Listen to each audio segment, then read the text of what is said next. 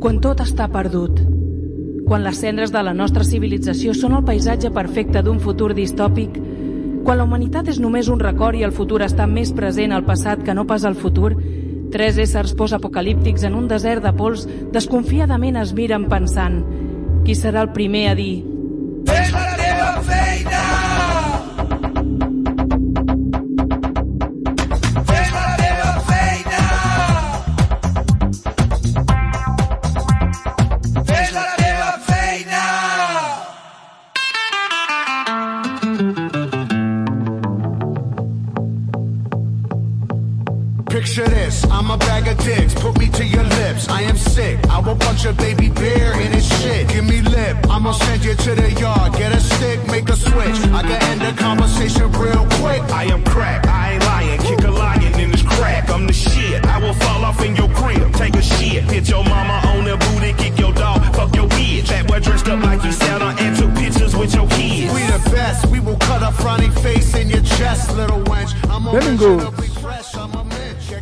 una vegada més a Fes la teva feina, un programa copresentat. Si fóssim un cap de setmana qualsevol, podríem ser el del 14 i 15 de maig del 2022. Per al nostre estimadíssim Felip Boter, quasi infinit. Podria ser tranquil·lament una nova edició de la Fira de la Cervesa, la número 11 i la vuitena mostra d'entitats de Balanyà que celebra a la plaça Josep Espona de Balanyà davant de l'actual Ajuntament. Per allò de passar un dissabte d'allò més entretingut. Començant a dos quarts de dotze del matí i acabant de nit. Gaudint de l'actuació de Adals electrocharanga al matí i a la tarda, jugant i gaudint de la gincama familiar, de les activitats infantils, per fer temps al dinar de tapes a la barra del Joenac, mentre mirem. fiestón. Mentre mirem i observem les, les exhibicions de les entitats que hi hauran a la plaça. I a les 7 de la tarda, abans de la botifarrada popular, que tancarà aquesta nova edició de la Fira de la Cervesa i mostra d'entitats, la presentació de l'entitat solidària convidada Pons per la Pau. No, para Pau, Represent- para Pau, no me lo pierdo. representada per Nadia Gulam Toma i l'inici dels concerts de Lola and the Rhinos, Gresca, Pirat, Sound Sistema, Indershown. També Vaya festín, eh? És un Vaya, festín, un eh? No festival. sabia això, això no m'ho havies dit. un festival dels grans dels grans. I també que avui no hi és el nostre estimadíssim Demian Recio, que podria ser tranquil·lament dues coses. Ell mateix com O Paradís, recordant que el seu disc el podem comprar a la web de les gravacions sentimentales per un preu de 10 euros i la cinquena exposició d'art realitzada per al col·lectiu d'art de Balanyà que estarà fent la seva exposició el mateix dissabte dia 14 a l'antiga fusteria Capdevila a la plaça Cal Fuster d'Hostalets de Balanyà on participaran Però, bueno, més de 30 va ficant artistes. Ets un artista. de totes les Tu edats eres un artista. de totes les edats i veïns del poble ensenyant les seves obres artístiques a tot aquell qui s'apropi des del dia 13 a les 7 de la tarda, que és la inauguració, i els dies 14, 15, 21, 22, 28 i 29 de maig, i 4 i 5 de juny, de dos quarts d'onze a dos quarts de dues, i de 5 a 8 de la tarda. Hosta- I de Banyarà, Balanyà, capital cultural del de tot, 2022. de tot. I tenim entre ells pintors, dibuixants, fotògrafs i gent que treballa al ferro i la ceràmica. Segur que en deixem moltes coses, però això alguns sí. ah, és que està, per això estàs tu, per venir a veure-ho. I no en deixo cap més, jo mateix, per mi mateix, tranquil·lament, podria ser la segunda fiesta de la primavera que organitza l'Associació Cultural d'Andalusa de Tona i Balanyà el diumenge 15 de maig a partir de les 12 del migdia a la plaça Josep Espona d'Hostalets de Balanyà. T'has acabat la, la música de la melodia del Altre principi. cop, eh? Altre cop. Ja la segona. Però deixa'm acabar aquesta, aquesta, aquesta promo. El diumenge 15 de maig, a partir de les 12 del migdia, a la plaça Josep Espona d'Hostalets de Balanyà, con tapeo i rebujito. Si vols, posa la, posa la falca. Posa la falca de los Posa-la. rebujitos? ¿Me Sí. posen la falca de los rebujitos? Ja que l'hem feta? Segur, eh? Sí, sí. Ho dius en sèrio? Sí, posa-la. Segur, eh? Posa-la. Ja que l'hem feta, que se senti. Ja.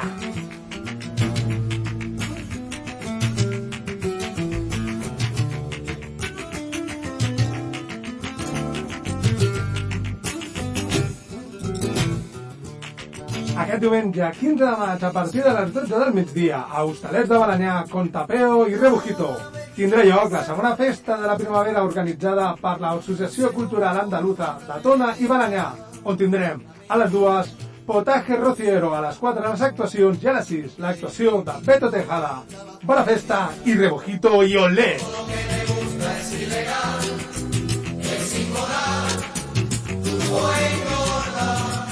L'has bordat aquí, eh, Àlex? Aquí, aquí sí. Bueno, ja tenim promos, ja sabeu, comerciants d'Hostalets de Balanyà, si voleu vindre aquí a, a promocionar els vostres productes, doncs, doncs veniu a buscar-nos. Ja està. Mentrestant- mentrestant, deixa'm, deixa'm acabar. Sí, Deixa'm sí, acabar una digue'm, cosa, perquè ens han deixat una coseta. Les ventes de les entrades anticipades dels tíquets a la carnisseria Cala Glòria, Font Girvent, Fort Nou, a un preu de 5 euros. I la retirada dels tíquets el dia 12. Que quedi clar. Sí? I deixa'm, deixa'm ja acabar la, la, la, a veure, aquesta presentació infernal, eh, Àlex? Sí, sí. I, a més, una promo teva és com redundant, és, és Sí. tu sobre tu mateix.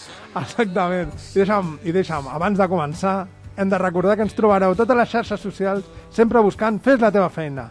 I no podem oblidar que els pixapins de Can Fanga i Xaves, que van anar a Calona, a la botiga de la Guineu, al carrer de Serrat de la Runo i deia número 7, urbanització de les Guilleries, entrada pel carrer Puig de l'Agulla de Viladrau, no han deixat cap comentari per saber si han anat a preguntar per nosaltres. Han preguntat? Ho sabem? No ho sabem. No ho sabem. Bueno, jo vull dir des d'aquí que el nostre estimat Demian avui no ha vingut a presentar el seu disc com va vindre l'altre dia, que era el seu disc... Eh, Número X? eh, Número 15, em sembla que era, eh? anfitrión, el seu disc Ah, número vale, 15 a l'anfitrión, i l'anfitrión. avui serà el ausente. bueno, Àlex, Bueno, què, comencem? Comencem. Això sí, això sí.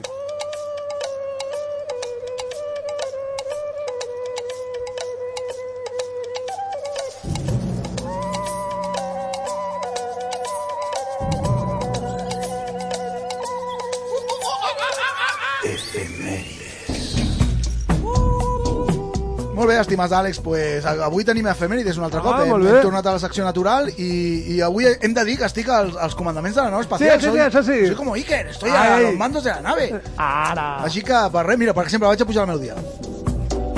Ah, ara la baixo.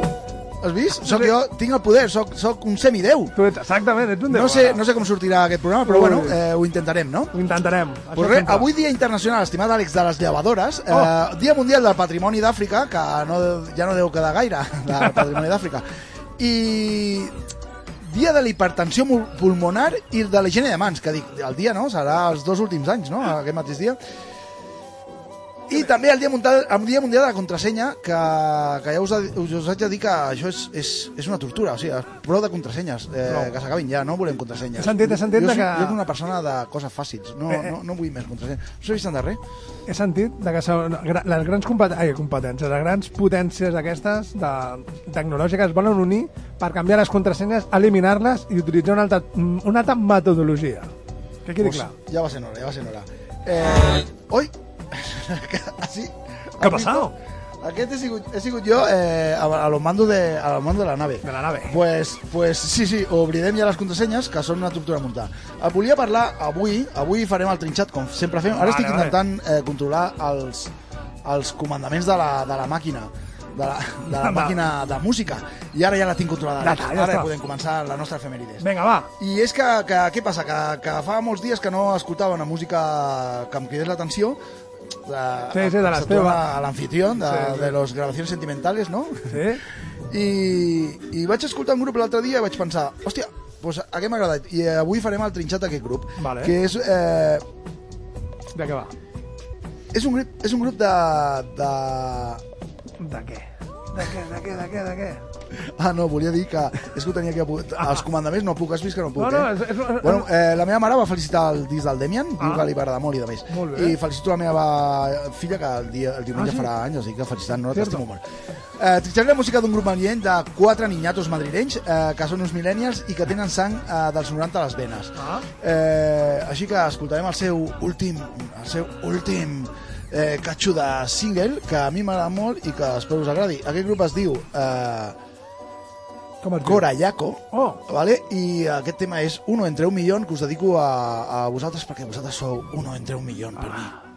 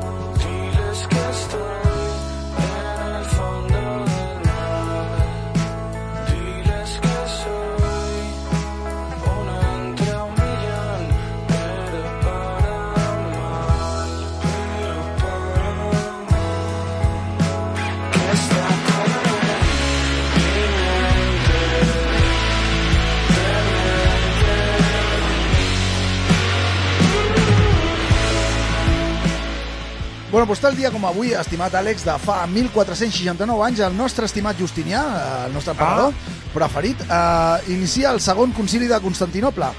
I, i ara podríem parlar del concili de, de Calcedònia, vale? que Calcedònia no és la botiga de roba, és Ah. una ciutat eh, grega, raó, tens raó.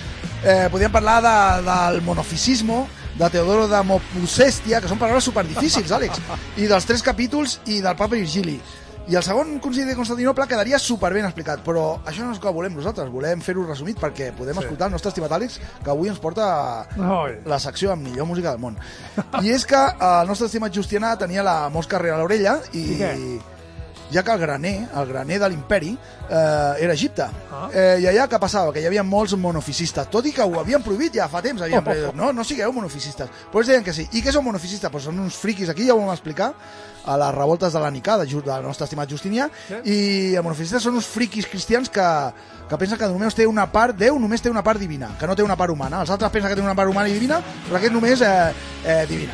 I què passa aquí? Doncs, doncs, bueno, això també hem de pensar que, que qualsevol colla de peregrins que entrava a una cova a pixar i, i, i quan sortia havien creat una nova branca del cristianisme. O sigui que la penya la penya es flipava bastant. Està, la, està alt, l'Àlex? Una està, miqueta, una miqueta. estava fent senyals de que està alt.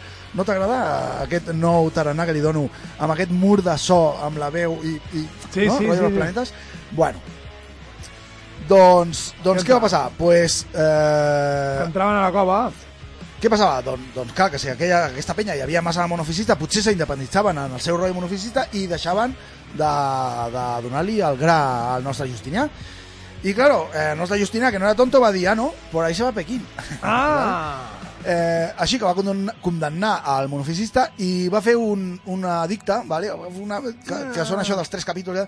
que això també és bastant eh, liat i tal d'explicar i que no us ho explicaré, a qui vulgui que busqui, perquè això són les efemèrides, no és, No, exacte. no és la història de Justinià, ja la farem un altre dia, la història de Justinià. Ja temps. bueno, és una novetat que dia que si t'ha fet una novetat, pues te la cago. El papa Virgili es va posicionar en contra de, de, No. de, de Justinià. I Justinià, què, què hizo? Pues Justinià no se los cogió con la mano. I, i coneixeu algun, coneixeu algun monofisista per aquí? Tu coneixes algun? No, em sembla que no. No, no, doncs això és que Justinià va fer un bon treball. Tal dia com avui de fa eh, 1037 anys eh, surt de Còrdoba el Mansur, l'estimat el Mansur i el seu exèrcit i 40 poetes eh, assalariats, o sigui, pagats, Sí, sí, pagats. per explicar les seves proeses. 40. Les, la, no de les poetes, eh? Les proeses del Mansur. Per això li pagues. Home, perquè si li pagues per, per que escrius sobre ells, Eh, no. no. ets un mecenes, és diferent. Tu vols que ells eh, escriguin sobre tu, Sí, és sí. diferent. Bueno, pues el cas és que el Mansur, eh, allà per on, per on passava, arrasava, feia una ratxa, entrava allà, robava el colla i marxava i ja està. I el dia 6 de juliol va arribar Saps- a, va arribar a Barcelona.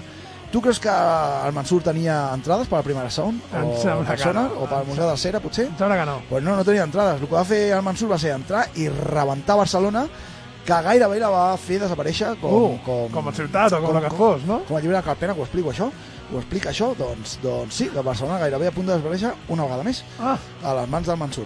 Tal dia com avui, eh, de fa 504 anys, i vaig a, a Ligerito, no? Ah, sí, sí, Ligerito. sí.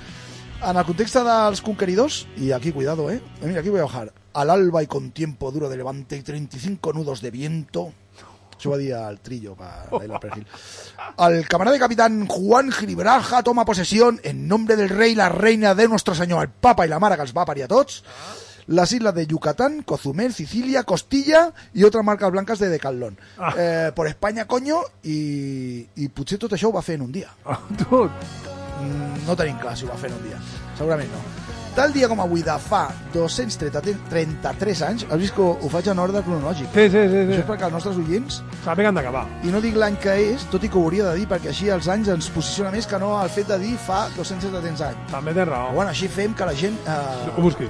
clar, es busqui la vida. Ara. Està molt bé. Per projectes. S'ha de fer les coses ara, s'ha d'aprendre per projectes. Ara, ara. Fa 233 anys eh, es reuneixen a Versalles per primera vegada des de fa 175 els estats generals. I què? I quin eren els generals? Pues això era el rei, los curacas, el clero, ¿no? Els nobles, burguesos i a més. Lo más granadito de la societat De parisica en aquest cas. I què fan? Doncs intenten posar pau a la plebe que té gana i està nerviosa i té ganes de, de De sangre. I, I ja no tenen por i no tenen res a perdre. Ho aconseguiran els nostres aristogatos eh, posar pau al carrer? Pot ser que no? pues podria ser que no, perquè què faria un reina de, en bancarrota i amb unes perruques cursis de, com les de Lluís Setze, Sexe, doncs... Alguna Pues- vegada t'he explicat la teoria aquesta de les pelos? Baixo la música, vols explicar? Sí, ja m'has explicat la perruca de Sant Germain. Ara. bueno, doncs, doncs no, no, no va funcionar i aquests aconteixements, i juntament amb uns altres, eh, ens conduiran fins a la Revolució Francesa. Ara, ara, ara. Enhorabuena a los premiados. ¿Y quién es un premiado? Pues mira, precisament a un que li vindria de conya aquesta revolució va ser a Napoleó. Ah. I Napoleó què va fer? Entre moltes altres coses, pues mira, tal dia com avui de fa 214 anys, estimat eh, Àlex, Le Petit Cabron, Ah. es reuneix amb la família real espanyola a Banyola. A, Bany a Banyola, no, perdó, a Bayona. a Banyola a veure el monstre de Banyola. Exacte. I agafar el trenet tots junts a fer un passeig allà. Ah, i el i acabar- acabar i a de- veure els Ibers i tot això. Ah, Està bé a Banyoles, molt xulo.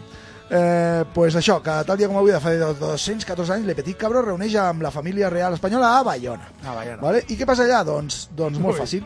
Ferran VII, eh, el rei Felon, que ja havíem parlat, Ah, que sí, tenia sí. una mamporra de, de com, a, parells de collons. com a bastó. Collons, no, no sé si... Potser sí que en tenia uns collons. Un, em sembla que tenia un i molt Un, gran, sí. i després una... Bueno, entre d'altres coses. Eh, Un personatge bastant lamentable. Doncs eh, príncep d'Astúries i fill del rei Carles IV eh, es vol passar per la pedra de Godoy, que era el virrei, el, bueno, el vàlid del, del seu pare i amant de la seva mare. Sí, sí. Molt curiós. Eh, I clar, és el que va voler fer. Eh, de fet, ho va voler intentar un cop, després va demanar perdó que no se passava res, i, ja i després ho va tornar a intentar. intentar al motín d'Aranjuez. I per què diu el motín d'Aranjuez? Ui, A veure si ho saps, Àlex. perquè és el que més t'agrada a tu? Perquè és el que passa, perquè aquests fets aconteixen al Palau d'Aranjuez. Ah, I així tot queda molt fàcil. Doncs pues bueno, eh, salten, amotinen allà, agafen el rei, a més, empresonen a Godoy, i Carles IV, cansat i suposo que una mica pressionat, sí. eh, abdica en nom del seu fill, de Ferran VII. Però Ailas, al petit cabró, no li agrada aquest canvi de cartes. Eh, al petit cabró no li agrada, no li, no li agrada No? Ferran VII de rei. Així que els fa vindre a Ballona, no? els crida, veniu cap aquí. Eh, Napoleó es reuneix amb Ferran VII i li diu que li ha de tornar la corona del seu pare. Oh. Le digo, Ferran, pegarle a un padre es muy feo, pero robarle la corona, eso es de hijo de la... hijo de Francia. Eh, I, i què fan Ferran VII? Pues, suposo que una mica pressionat per la mirada del Le Petit Cabron. però vés en compte que Eh. el mirava des de baix, eh? El mirava, sí, sí, clar, mirava de baix, però... O potser no, eh? Potser tenia uns soldats que l'aixecaven i el feien mirar des de dalt, eh? Doncs, bueno, així que el cas és que finalment el, eh, convenç a Ferran perquè li torni la corona a Carles IV. Ah, Però sí? què ha passat, estimat Àlex? Pues que tal dia com avui, això vindria a ser el dia anterior, Napoleó ja havia, Napoleó ja havia quedat amb Carles IV perquè, per pactar la cessió dels, dels drets de la corona espanyola en, en honor a Napoleó. sí, A veure. va muntar un canvi de corona allà superguapo. I, Flipant, no? I es va quedar la corona d'Espanya. Ah. Eh, que després va enxufar el seu germà, que va ser Josep I Bonaparte, que li deien el Pepe Botella. Que no li deien Botella, Botella no era per, perquè tingués una figura així esbelta i tal. No. No, no era per això. Eh, un altre cop males notícies pels Borbons en aquesta nova efemèrides Ah. i és que tal dia com avui de fa 162 anys Josep Garibaldi i los mil camises rojas inicien l'expedició de los mil Uah, com, Uah, eh? tio, com mola. Super mola. Pues sí, eh, la camisa, los mil camises rojas, pues l'expedició dels mil. I, i, creus que, I creus que va anar a bé l'expedició del sud de, per Itàlia? Van, No, van no. anar allà a menjar macarroni, eh, estimat No, Àlex? no Aquests crec. eh, Gavi- Garibaldi i els mil i els camis- mil eh, camises rojas. Pues no. no, van anar a menjar, a menjar cap macarroni. Doncs no, el que van fer va ser eh, conquerir els reines de Nàpols i Sicília, Uh. que estaven a mans dels Borbons. Així que, efectivament, eh, ho van aconseguir. Eh, cuidado amb aquests que després van inspirar Mussolini per fer les camises negres i a Hitler per a les camises pardes. Així que, cuidado. Ojito, ojito. Cuidadín, eh? Cuidadín. Ojito. Tal dia com avui, de fa 136 anys, eh, a Atlanta, aquesta t'agradarà. Atlanta. Atlanta, John Pemberton eh, patenta la... Ni idea. ¿Eres más famoso que la? No sé. ¿Eres más famoso que la? No. ¿Eres más famoso que la? Que la Coca-Cola. Ah, no, Tal dia com avui, de fa 336 anys, a Atlanta, John Pemberton patenta la Coca-Cola. En sèrio? Beguda de color verd a base d'extractes de fulles de coca, això vol dir farlopa, Ah. nous de cola, eh, sucre, carmel, aigua purificada i gas carbònic. Joder. En els seus inicis, Pemberton, que, que era farmacèutic i, i tenia una farmàcia, i ho venia a la seva farmàcia Coca-Cola com a xarop digestiu i energètic. I diem energètic per què? Perquè fins a 1903 la Coca-Cola eh, feia honor al seu nom i portava la seva recepta cocaïna. Ah, O sigui que, res, aquí en Delit esperant que Uf. facin un reme, un, una, una, la, la tonada recepta tradicional. la No? tradicional, I, exactament. I ànimos para todos. Tal dia com avui de fa 140 anys s'aprova a Espanya, cuidao, eh, Cuidao. la- el sufragi universal que és que voti la penya i tal. No sé si era el ple, però crec que és el ple, el sufragi universal, tenir homes, dones i tot el que, tot el que, pugui votar. I cuidao, perquè tal dia com avui, de, de fa 97, 97 anys, el d'Espanya això va ser el 1890. Vale. I aquest va ser el 1925 i s'aprova per sufragi universal i s'aprova el sufragi universal al Japó. Mira, hemos sido más sofisticados que el Japón. Vez en la vida. Por, por una vez en la vida.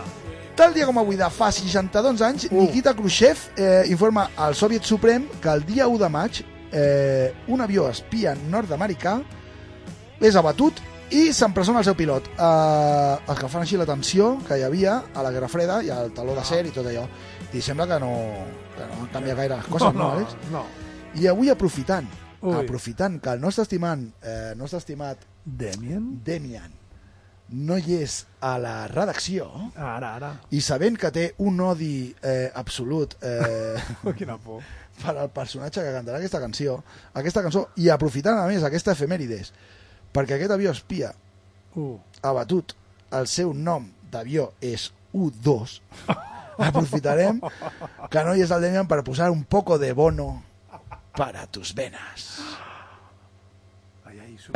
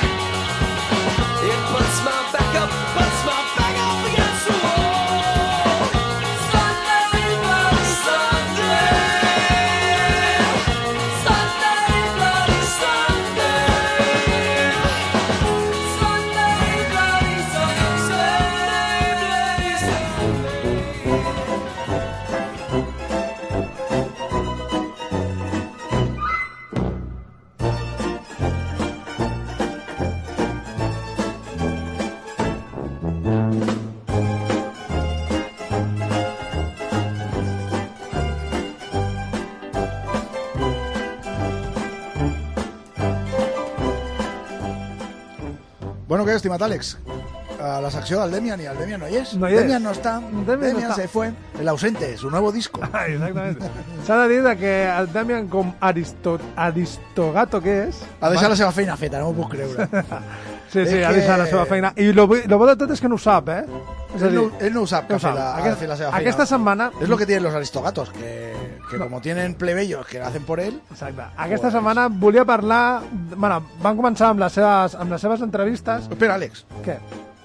vols parlar d'una pel·li? Jo vull parlar d'una pel·li.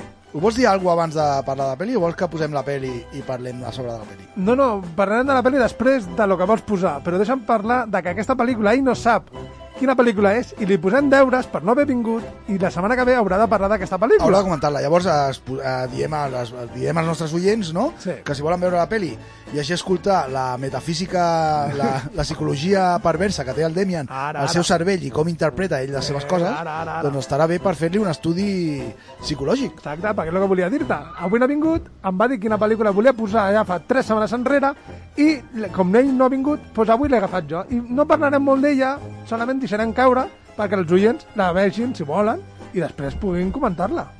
Molt bé, doncs comentem. Vale, vale. Friends. brothers and sisters. Who can regale me and my queen with some myth?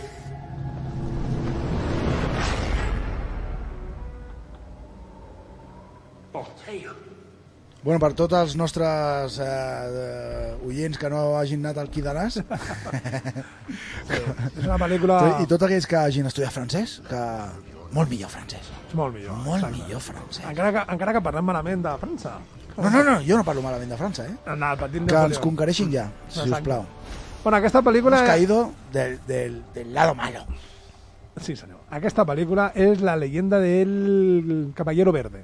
¿Vale? Anda, mira. Sí, és una pel·lícula de David Lowery, que com tothom hauria de saber, aquest, aquest, aquest director és el que va fer la pel·lícula de eh, la història del fantasma, de Ghost, de Ghost History, que vam parlar, que és aquella pel·lícula que és una, està gravada amb molts plans parats, per dir una manera, en molts temps, i que va el, el personatge principal porta un llençol amb dos forats com a ulls. I és el, la història d'aquest fantasma i la seva vida, per dir una manera.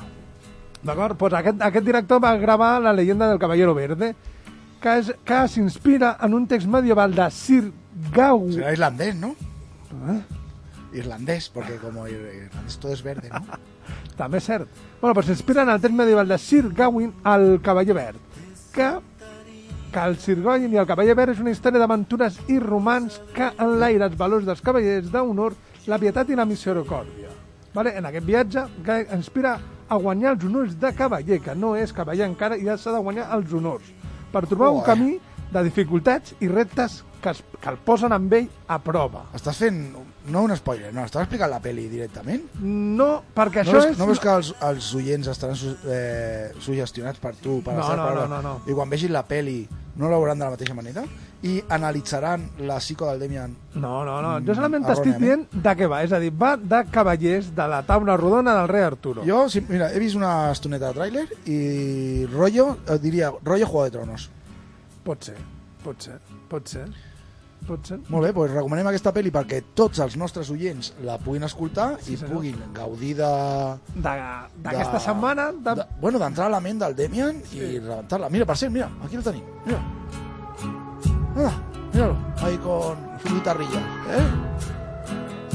S'ha de, dir, s'ha de dir que aquesta pel·lícula la, la productora també és A24, eh? Com totes les pel·lícules, o la gran majoria de pel·lícules que està portant últimament el Demian i que teòricament són bones. I un detall, per això, perdó, perdó, perdó, un detall petit, petit. Calcedònia és de mitges i mitjons. Ho han dit els oients. Mitges i mitjons, eh? No he... Jo què he dit, roba interior? Roba interior, directe. També, també pot ser, pot ser, pot ser. Ho pots considerar roba interior.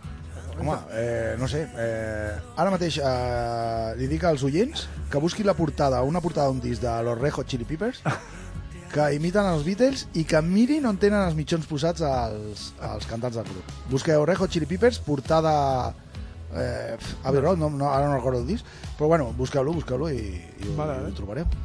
Bueno, em sembla que és la teva hora, estimat Àlex. Posa'm... És la teva hora? La mangosta mata a la cobra. La mangosta es el mejor animal. La mangosta mata a la cobra. La mangosta es el mejor animal. ¿Sabe lo que es la Mangosta, mangosta? Es un mamífero roedor. mangosta. Mandídese si quiere recoger.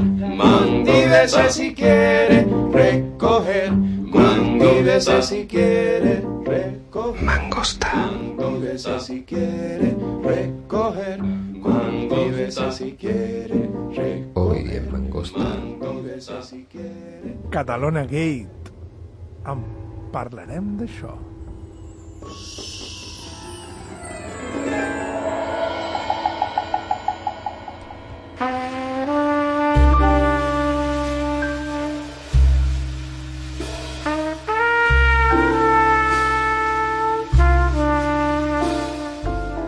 las 12 de la noche. Y Jacqueline ya no vendría. Mi bourbon estaba pasado y estaba apurando mi último cigarrillo. Fue entonces cuando al otro lado de la puerta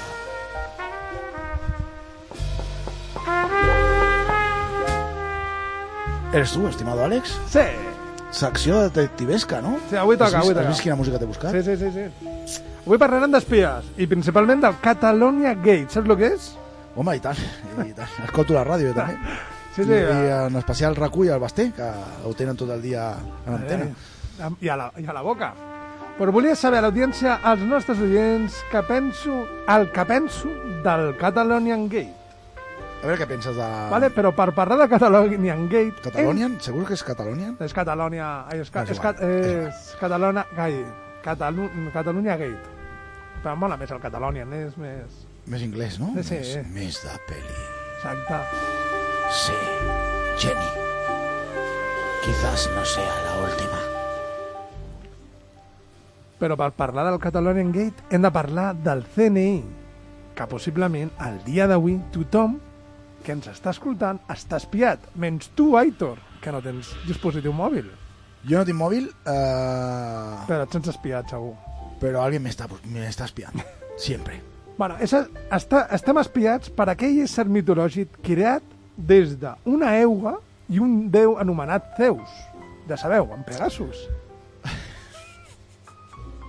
Sabia que Com t'agradava. m'agrada com m'agrada que comencis les coses per principi.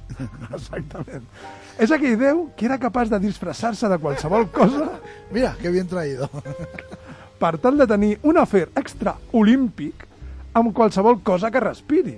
És un déu que flipes, que va ser capaç de disfressar-se de pato per tenir, com he dit, un afer extraolímpic amb la seva germana que a la vegada era la seva dona, anomenada Era. Era, era. Era, era, sí, sí. Que tenia uns collons de tres parells de nassos, que per part s'ha d'entendre que jo, un simple mortal, i tu també, Ah, bueno. Semi. bueno, semimortal, en aquest sentit. Ara avui sí. No entenc... Ja, eh, i Déu de... I Déu de... Mira, subo el volumen. Dios de los controles. Ara sí. Que no entenem com pot, com pot tenir la paciència suficient com per aguantar aquest paio. Estem parlant del, del déu Zeus. Que ja pot ser déu que Era- era un vulguis. cachondo, eh? Sí, sí, que ja pot ser déu que vulguis. I de Està, està bé, no? Perquè Jesus, Jesus. my lord, vol protegir, no? Pa... Bueno, no sé el que vol fer exactament. Uh, uh, està, per, està per... Però Zeus directament el que vol és putejar a tothom. Sí, sí, sí. O sigui que està bé. Vale, ¿Por ¿por qué? qué? Porque, porque soy, porque soy Dios. Y como Dios. Dios. para que tú entiendas que yo soy Dios, que yo soy más que tú, Ai. qué mejor manera que someterte. Ai. Bueno, doncs aguanta les seves amants i, el, i tots els seus fills, vale? que no són això, vale? que sinó que a, a, a, és, es disfressa moltes vegades d'animal, com àguiles, toros, formigues, ocells de cuco, ave de fèria, patitofeos, oques, serps i de vegades de buitre. I en algunes ocasions agafant la personalitat del marit d'aquella dona que es vol posar al llit. D'acord? O això ho van explicar fa... Sí, sí, sí. Bueno, ja ho van explicar. Vale? I de vegades, com a dona, per tenir relacions amb les altres dones per deixar-les encinta. Vale? I a vegades, No sabe no. vale, no sabem, i a vegades de, de fets meteorològics, com la pluja o les estrelles. I tot és per tirar, com es deia jo, echar una canita a l'aire. Vale? Sí. Tot un personatge de l'Olimpo que va matar a gent per intentar ser més, més que els altres. ¿Ves? Lo que Està yo bé. decía. Lo que yo decía y yo no... Y... No, no, no. Ya Res está. més. Perdona, perdona. No, no, també va convertir altres persones en coses o en animals perquè li queia malament. I a la vegada li encantava torturar per plaer propi. Per exemple, un dels seus fills el va llançar de muntanya de l'Olimpio cap a baix. Bueno, algo havia fet. Segur que ha fet algo. Algo Home, ha fet. si surt com el pare macho... Algo ha fet. Bueno, és un, és un déu que, que és un rei de la disfressa. I tu Como, morta- coneixes... como Mortadelo. Sí, senyor. Mortadelo i Filemón. Són a, per aquests millennials que ens estan escoltant. Ah, Cuidado, Són, són suba una volumen, espècie- que aquí ya vienen detectives. I de verdad. Són una espècie de família Simpson, però a l'espanyola. ¿vale? Mortadelo i Filemón són dos éssers que treballen en una suposada agència d'espionatge anomenada Tía. TIA.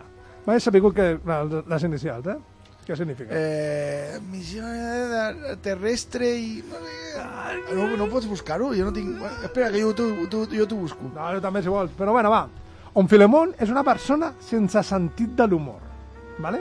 i Mortadelo, un personatge que es passa tot el dia disfressat per espiar els, els dolents. ¿vale? És a dir, el que sempre s'ha dit, que a vegades la realitat supera la ficció. ¿vale? Però també podríem parlar d'aquell famós Anacleto, agente secreto, ¿vale? un altre personatge de ficció que és un espia creat per Manuel Vázquez Gallego.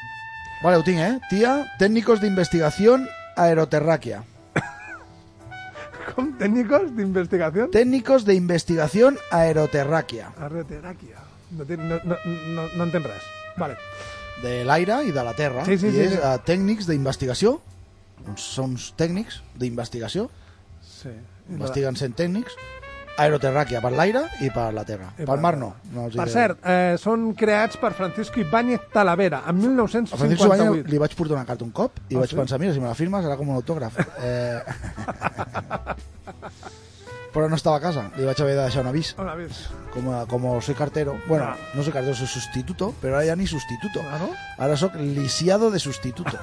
Cierto.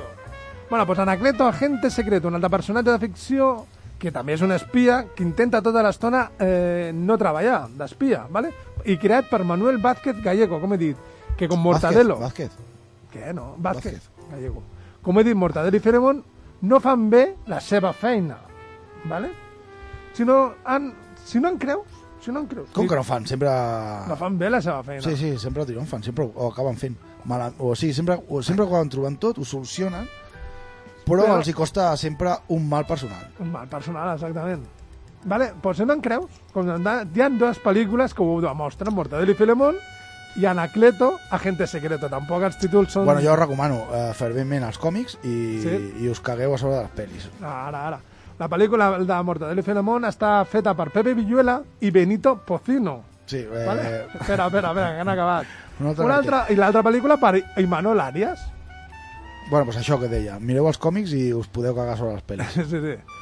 I si, si vols saber qui és Benito, Benito Pocino, ja que parlaven de correus, és un treballador de Bueno, correus... parlaven de carters. De carters. Bueno, carters és... No és el mateix. No és el mateix? Bueno, pues Benito Pocino és un treballador de correus per decretazo.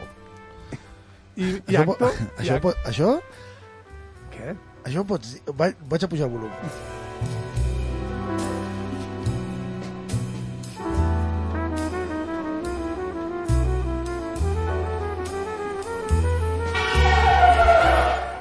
No sé si ho pots dir, això, coses personals de... de... Està, està a la Wikipedia, tio. Ah, està a la Wikipedia? Està a la sí, està a la Wikipedia. Wikipedia.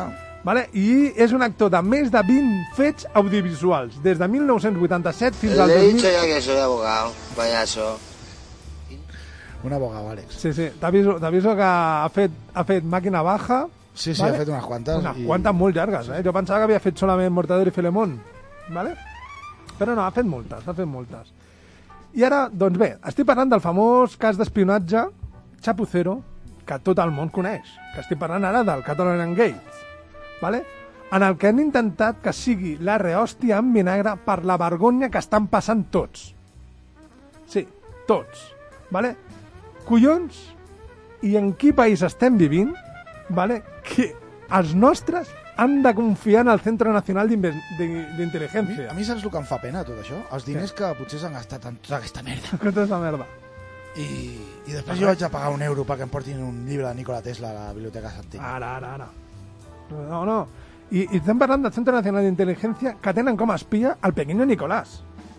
Tothom ho sap, tothom ho sap. I a la Corina. Vale? Són aquells, són aquells que no saben qui és M. Rajoy, però sí que saben localitzar en un mapa polític de Catalunya Sant Esteve de les Roures, Ah, sí? on l'1 d'octubre la germanderia invasora va rebre una lliçó de geografia i d'història. Saps de què estic parlant, no? Em sona, em sona. A veure, però... Descifra-lo tu, hermano. Sant Esteve de les Roures és un poble que no existeix, però saben on està. I M. Rajoy, no. No saben qui és el que ha firmat els papers de No sé. Bárcenas. Vale? T'estàs ficant en un... T'estàs Vale. ficant en un jardí teu. T'estàs ficant tu sol en un jardí. Sí. Sí, m'estic ficant en un jardí perquè vull arribar a una conclusió. Pensa que t'he portat la millor música de... Sí. que hem posat aquí en el programa. D'espia. punxa'm, punxa'm Perquè... lo mío. Lo tuyo? El negre 2, Ah, a mi també em parles amb senyes? sí. En negre 2? Del, ah, no sé què xotes. Xocas. Ah, amigo, el chota. ¿Pero qué coño estáis diciendo? ¿Cómo voy a justificar un acto delictivo tan deleznable como ese? ¿En qué momento de mi mensaje habéis entendido eso? ¿Os habéis dignado a entrar en el voz y a ver de lo que estábamos hablando? ¿Qué coño estáis haciendo? ¿Qué coño estáis haciendo? Es una puta vergüenza lo que estáis haciendo. Eso es lo que estáis haciendo. El país, la sexta, etcétera, todas las noticias que habéis dado bombo a ese puto bulo y a esa puta mierda, sois igual de culpables. Y sois patéticos. De verdad que lo sois. ¿Pero qué estáis diciendo? ¿Qué coño estáis diciendo? ¿En qué momento habéis interpretado que eso es un abuso? Se os tendría que caer la puta cara de vergüenza. Aquest, eh, aquest és un friki dels teus, no? Sí, aquest és Ah, un fric dels meus que el conec gràcies al meu fill, però bueno... Has, has És un friki del teu fill? Sí, sí, no, però aquest jo t'explico. Aquest, Però no aquest té el tio- cara al Disney. No, no, no. Aquest tio és un influencer de moda, vale? anomenat Choca. Sí, em sembla que ho he dit Ah, és aquell que... que és aquest que... Ah, és aquell del, del Twitter que... No, de Sí, sí, sí, ja vas bé, ja vas bé, ja vas bé, perquè jo vull arribar... Aquest, aquest- aquest senyor va fer comptes falsos, no?, per, per odiar gent. Jo, clar, com que no estic... No, no, sí, sí, ja vas bé, ja vas bé, perquè jo vull arribar a aquesta Digue, digue, conclusió, digue, vull arribar a aquesta conclusió. Vale, aquest, aquest xaval es diu Xocas, és gallec, com heu, heu vist amb el seu accent, vale, que es van crucificar per molts motius, molts. Des de, no, no, des de guardar la basura a la nevera i gastar-se no, o gastar-se 900 euros en menjar basura, vale? Però, però, no li agrada posar el cogombre a les hamburgueses i estic convençut que és del que menja truita sense ceba. Però parlo d'ell perquè utilitzava dos comptes d'internet per fer de les seves. Una era la seva compte bona, com has dit, i l'altra era la compte que utilitzava per, bueno, per fer un hater a tothom. ¿vale? Però, però... No, no entenc, no entenc què, què es guanya això. No, no, no. És igual. O sigui, tu poses una proposta de lo que sigui, no? Sí. Entenc. És que, bueno, ara des de la, des del, la vertent d'un D'un què? d'un ignorant del tema. Eh, posa una proposta, no? I la gent eh, es posa a criticar-me per, perquè sí. Bueno, crec que fins i tot és divertit. Sí. Però jo crec que si, si per fer-ho divertit has d'entrar tu també a trapo allà, no, no ofendre't. Exacte. No posis si no vols exposar-te, no? Exacte. No, no, no, per això, però ell té la seva compte personal, la seva compte, per dir-ho, o el seu perfil públic, i, una, i, una per, i un perfil personal, que és el que utilitzava per anar en contra dels altres. És a dir, tenia dos comptes, ¿vale? Fins aquí arribem? ¿no? Sí, sí, eh, entenc, ho, ho acabo d'entendre. Bueno, no lo entiendo, pero lo comprendo. No, no, no. O sea, mm, lo entiendo, pero no lo comprendo. Vale, vale, si pot ser, si pot ser que no ho entenguis, però ara jo vull arribar a aquesta no, no, conclusió. comprendo. I jo em pregunto què collons fa el govern català confiant en el CNI i utilitzant el mateix terminal per fer la llista de la compra.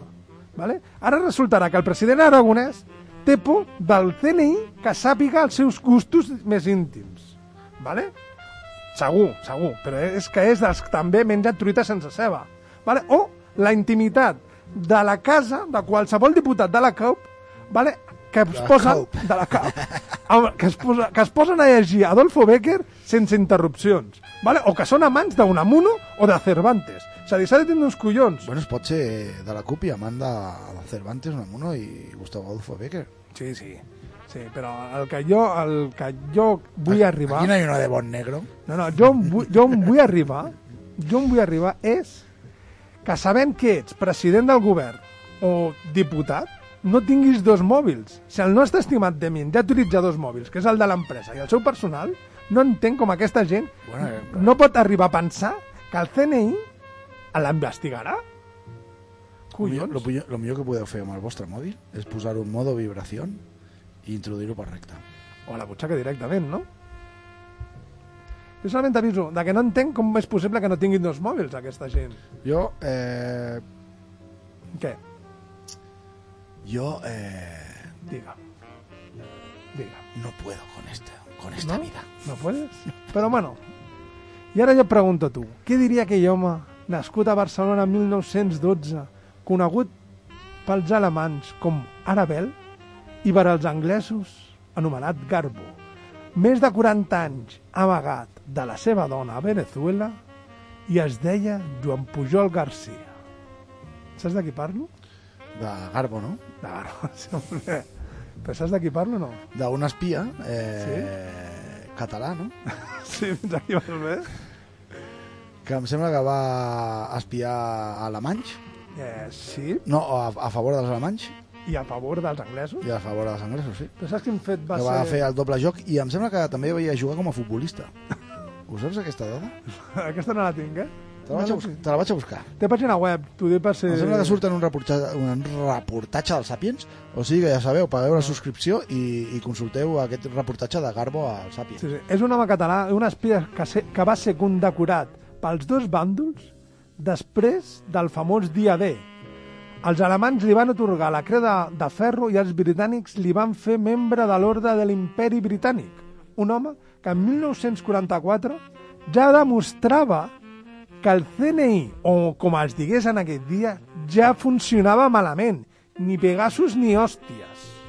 Un home que el tot poderós Walt Hitler confiava en ell i va fer que els alemanys es creguessin que el desembarco de Normandia fos una maniobra d'engany ocultant el veritable desembarco a les platges de los Passos de Calís, molt més a dalt de París i no a Normandia, que seria en les platges de Passo de Calís, com he dit, on un general anomenat George S. Patton, amb més de 150.000 homes, desembarcaria per conquistar i eliminar els alemanys de les terres europees. Això ho has dit que és gràcies a Garbo, no? Tot això és gràcies a Garbo. Perquè és veritat, no me'n recordava i he confós els dos espies perquè, eh, perquè rep- a Sapiens van sortir dos reportatges de dos i és veritat que Garbo va ser el que va enganyar Hitler dient-li que, que el desembarco de Normandia es faria un altre lloc i, Sí. i se li diu com el- com el- l'espia que salvó el mundo. Sí, senyor. Sí, senyor. L'operació, ara te l'explico si vols, l'operació va ser tan audaç que per aconseguir que els alemanys creguessin que el desembarcament de Normandia no era més que una maniobra de distracció, el 5 de juny de 1944, Garbo es, va- els va advertir que rebrien un missatge urgent a partir de les 3 de la matinada. Esperava informar-los de, de que tot indicava que les tropes estaven a punt de desembarcar-se amb destí a França. És a dir, anunciaria el desembarcament abans que es produís. Ara ve lo bo. No obstant, aquella matinada no hi havia ningú en el CNI de Madrid. Vull dir, que estrany, ¿vale? per rebre el missatge. I així els alemanys van rebre la informació l'endemà. L'endemà, vull dir, quan el desembarcament ja s'havia fet. Per als alemanys, això demostrava que la informació proporcionada per Garbo era fiable i ell es va mostrar en tot moment molt enfadat i va Me siento muy descontento en esta batalla de vida o muerte. No puedo aceptar excusas ni, ni negligencias. No me es posible hacerme la idea de poner en peligro el servicio sin el menor beneficio. Si no fue, si no fuese por mis ideales, mi fe abandonaría esta tarea al comprobarse un, al comprobarse un fracaso de este calibre. I tres dies després del desembarco a Normandia, el nostre Garbo va enviar al que seria el missatge més important de la seva vida, com a espia, lògicament. Va comunicar directament al nostre estimat Walter que a l'exèrcit de Patton no s'havia mogut del sud-est d'Anglaterra i que estaven esperant per al veritable desembarco a les platges, com he dit, de Passo Calís. Mentrestant, que quedi clar, Aitor, escolta, eh? Mentrestant, a Anglaterra tenien tot un exèrcit de mentira entre avions de fusta, tancs d'infable, per fer veure, creure als alemanys que tot era Eh, investigueu sobre vaixells de camuflats, que és increïble. és increïble.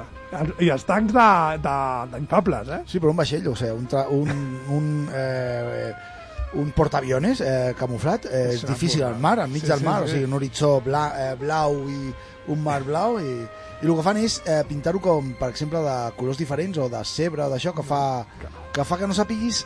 Qui eh, és? no, el que fa és que, o sigui, un, un submarí quan tira un torpedo Sí. eh, calcula la distància del vaixell Vale. i la velocitat que porta per poder tirar-li al Sí, sí, sí, torpedo. sí. I aquests vaixells estan pintats d'una manera que no saps quin és el cul i quina és la Ah, cara. vale. Clar, clar. Entonces, claro, si disparas no sabes. No saps on està. Tonteries. Bueno, doncs d'aquesta manera va enviar un missatge dient que, el, que, la, que la, l'exèrcit del Patton encara estava allà, ¿vale? i d'aquesta manera va fer, fa, va fer distreure tota l'atenció de l'exèrcit alemany cap a una, una invasió que no existia. Però, com t'he dit, tenia dues vides. Una per als anglesos i l'altra per als alemanys. És a dir, tenia, com he dit, dos Pegasus. Vale? Pegasus. Dos Pegasus. Vale? Però també s'ha de dir de Dos que Pegasus es casi un dos caballos. Cert. S'ha de dir que, teni... que va, va tenir molta sort perquè no, No, es tot... más, es más que un dos caballos. Sí, Porque vuela. ara. Però va I tindre, corre. va tindre més sort de la que ens pensem, perquè gràcies a un altre personatge, A vale, veure. També es va, va salvar el que seria el, Norma, lo de la desembarco de Normandia. Vale? Lo Estem que parlant dels la- eso, eh, de- sí. eso. Estem parlant dels lectors de Daily Telegraph de Regne Unit, que cada matí feien els seus mots encreuats i no eren espies o contraespies dels alemanys, perquè durant uns dies abans de, de la, del desembarco del dia D, vale, es van anar sortint les ubicacions de les veritables platges on anirien a fer el desembarco. En veritat, sortien els noms en clau, que ja s'ha de tindre collons la història aquesta. Café olé, croissant, Ah, una gran pel·lícula de... Com era? Top Secret? top secret. sí. Molt bona, també recomanem, eh? Vale, doncs van sortir les, en, els noms en clau de les operacions per al desembarco. Per exemple, UTA. Amb... UTA? UTA. ¿Cómo? UTA. No, Utah. No, posa Utah, tio. vale, no, no, és Utah, és Utah. Vale, perquè la pista del mots encreuat seria uno de los Estados, un, uno de los Estados Unidos. Utah. Vale, que és el nom en clau de la platja assignada a la quarta divisió de la infanteria. Omaha. Omaha. Pista. Piel roja del río Missouri. Nom en clau de la platja assignada a la primera divisió. Overlord. Overlord. És el nom assignat a l'operació del dia D. Overlord. Mulberry. Pista. Este arbusto es un centro de rebeliones infantiles. És el nom en clau dels ports vale, artificials per la descàrrega de materials. Amb totes aquestes pistes i aquestes coses, l'MI5, és a dir, el CNI britànic, que sí que funcionava, va actuar d'ofici al veure que totes les paraules en clau que descrivien el desembarco estaven en perill. I van arribar a la conclusió, que això em fa molta gràcia, que després d'interrogar i torturar el creador dels mots encreuats, tan sol va ser una coincidència. I tu diràs, sí, ja. Sí, ya. No. La coincidència va ser que el Leonard Dave fos el mestre de l'escola on anaven els fills dels, del campament de militars que, estarien, que entrarien en el desembarco de Normandia. I com a bon professor, que quedi clar, i com a bon professor, i que no se m'enfaden els professors que ens escolten, havien havia desenvolupat l'hàbit d'estalviar temps e idees en el treball recopilant paraules amb els seus alumnes. Com he dit, eren fills dels militars que, encara que no era una missió secreta al desembarco de Normandia, que ja em costa de mi a creure, podien parlar del seu dia a dia amb els seus fills. I els seus fills, amb aquella innocència que tothom té amb 10-12 anys, li deien al mestre les paraules en clau del desembarco de Normandia. Vale? Gràcies a aquesta fàmula, que no en crec, per cert, vale? puc afirmar que no entenc aquests polítics, com t'he dit, ja que si fos jo polític o un altre càrrec, un alt càrrec, millor dit, com Pere Aragonès, no sol utilitzaria un sol mòbil. Bueno, pero Aragonés molar, molar, no... Bueno, és Pere Aragonès, tio. Patito.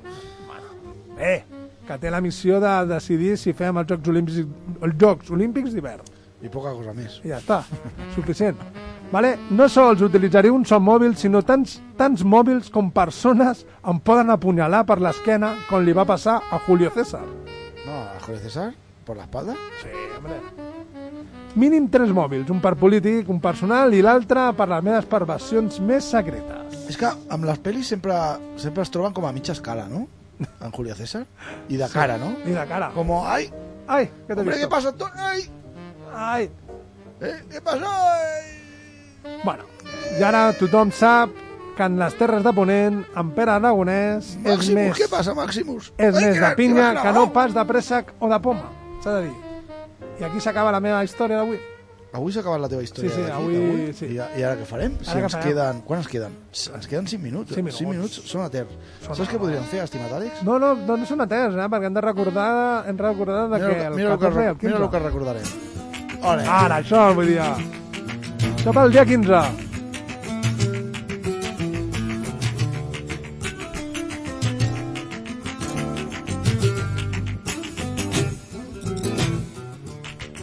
Aquest diumenge, 15 de maig, a partir de les 12 del migdia, a Hostalets de Balanyà, Contapeo i Rebujito, tindrà lloc la segona festa de la primavera organitzada per l'Associació Cultural Andaluza de Tona i Balanyà, on tindrem a les dues Potaje Rociero, a les 4 les actuacions i a les 6 l'actuació de Beto Tejada. Bona festa i Rebujito i olé! Ara.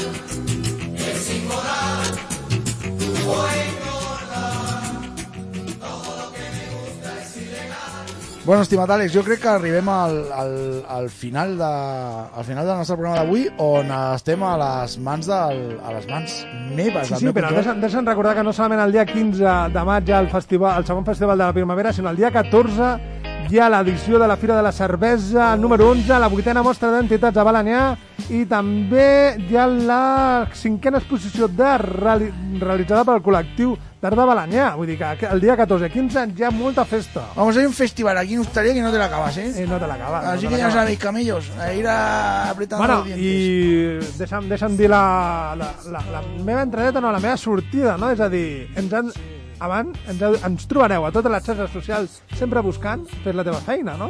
Sí. Sí, fem un besito ja? Un besito, no? Fem un adeu, com diem sempre. Eh? Adeu! feels good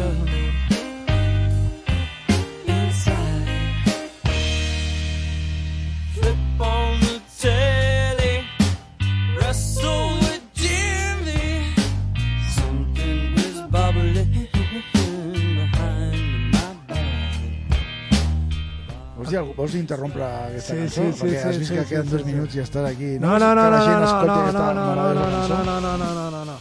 Em deixo una cosa, em deixo una cosa molt important perquè vaig rebre un missatge del nostre únic oient i ens va dir El oyente, que Sí, el sí. tercer disc del Demian. Exactament, que eh, podeu comprar el disc d'en Demian a Gravaciones Sentimentales, la pàgina web, per un preu de 10 euros. Que quedi clar, ens deixàvem, ens deixàvem una cosa important per nosaltres. Sí? Per en Demian. Ara sí. Bueno, pues nada. Demian, a inflar la caja.